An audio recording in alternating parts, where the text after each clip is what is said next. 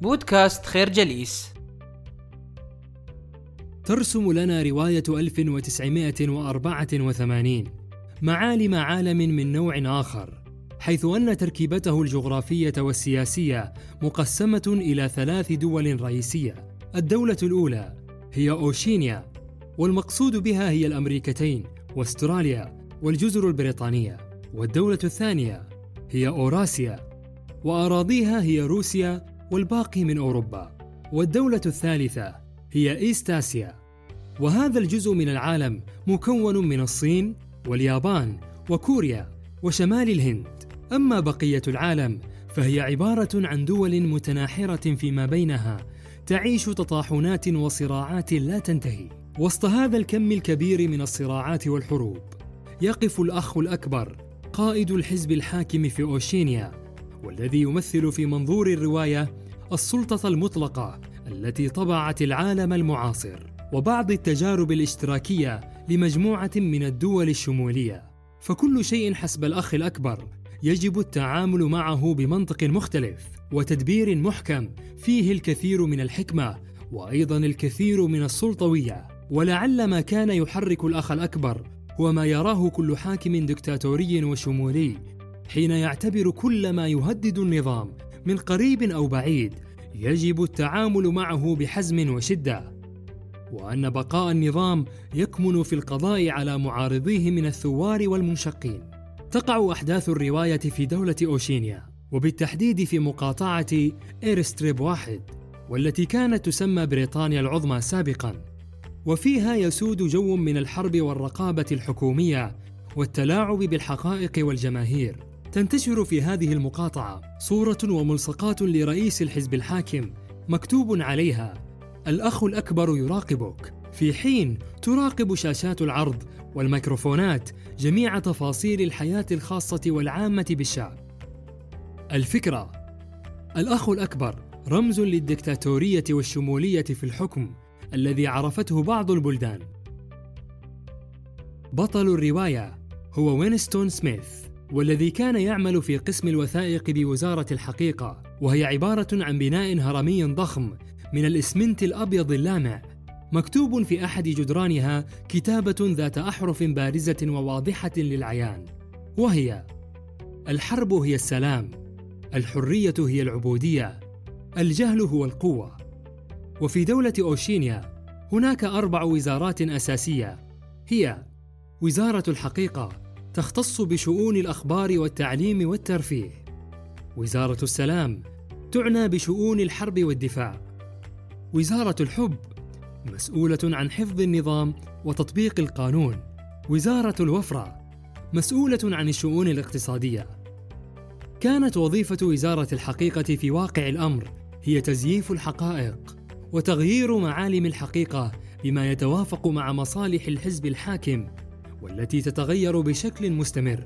أصيب وينستون بالتذمر من كل ما يقوم به الحزب الحاكم وبالطريقة التي تدار بها أمور الدولة. لجأ إلى درج في مكتبه وأخذ دفترا وبدأ في تدوين أفكاره. مع أن هذه العملية تحيطها مخاطر تصل إلى حد الموت إن تم اكتشاف أمره. خاصة أن الحزب الحاكم كان يعاقب الناس بتهمة يسميها جريمة الفكر. فماذا كتب؟ كتب وينستون في دفتره أنه يكره الأخ الأكبر.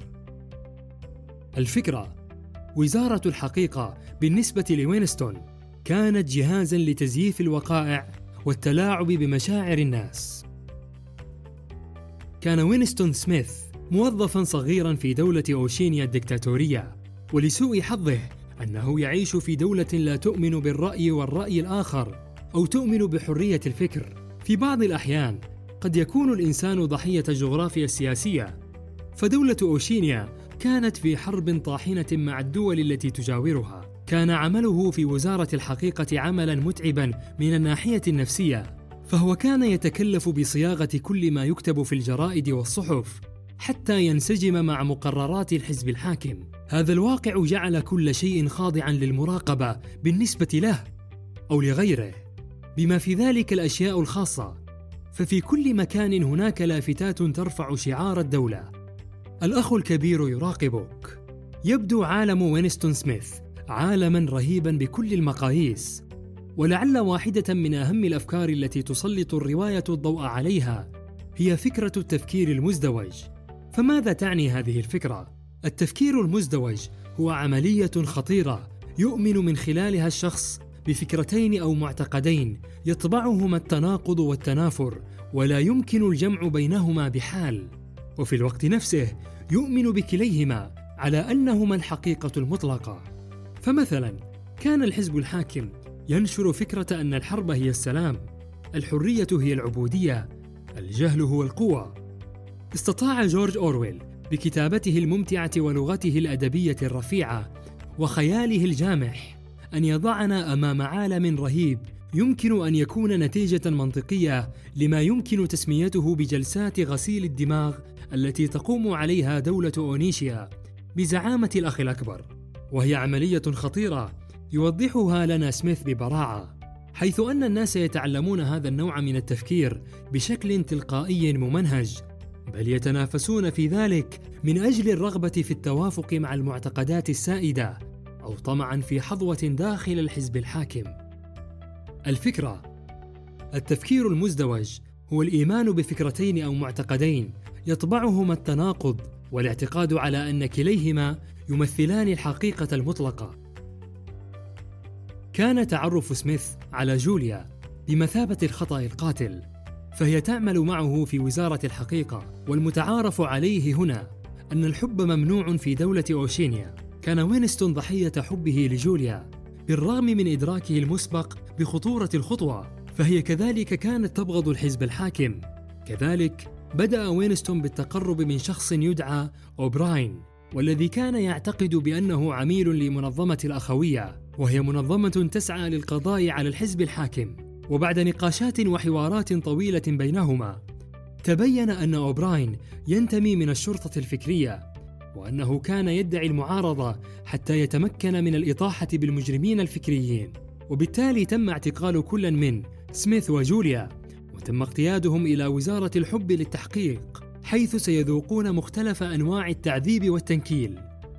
الغرفة مئة وواحد وما أدراك ما مئة وواحد.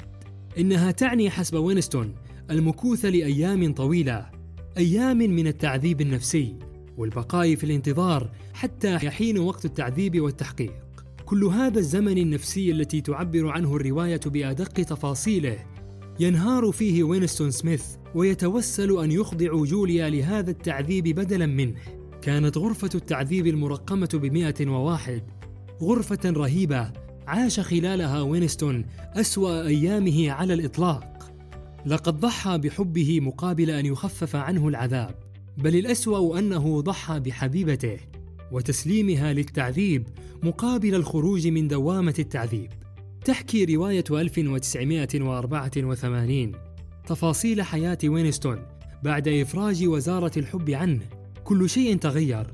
لم يعد وينستون ذلك الشخص المتمرد والثائر الذي يكره الأخ الأكبر بل أصبح من المناصرين الكبار له. فقد جلس في إحدى المقاهي يوما مستمتعا باحتفالات النصر التي كانت تجوب أرجاء الشوارع بينما ينظر محدقا إلى صورة الأخ الأكبر. لعله يفهم معنى الابتسامة التي يخفيها الأخ الأكبر تحت شاربه الأسود. مختتما ذلك بجملة تختزل المشهد برمته. لقد صرت أحب الأخ الأكبر. الفكرة سميث يقع كضحية لارتكابه جريمة فكرية. ويغير مبادئه وآراءه بعد حلقات التعذيب التي تعرض لها في الغرفة 101 نشكركم على حسن استماعكم. تابعونا على مواقع التواصل الاجتماعي لخير جليس. كما يسرنا الاستماع لآرائكم واقتراحاتكم. ونسعد باشتراككم في البودكاست.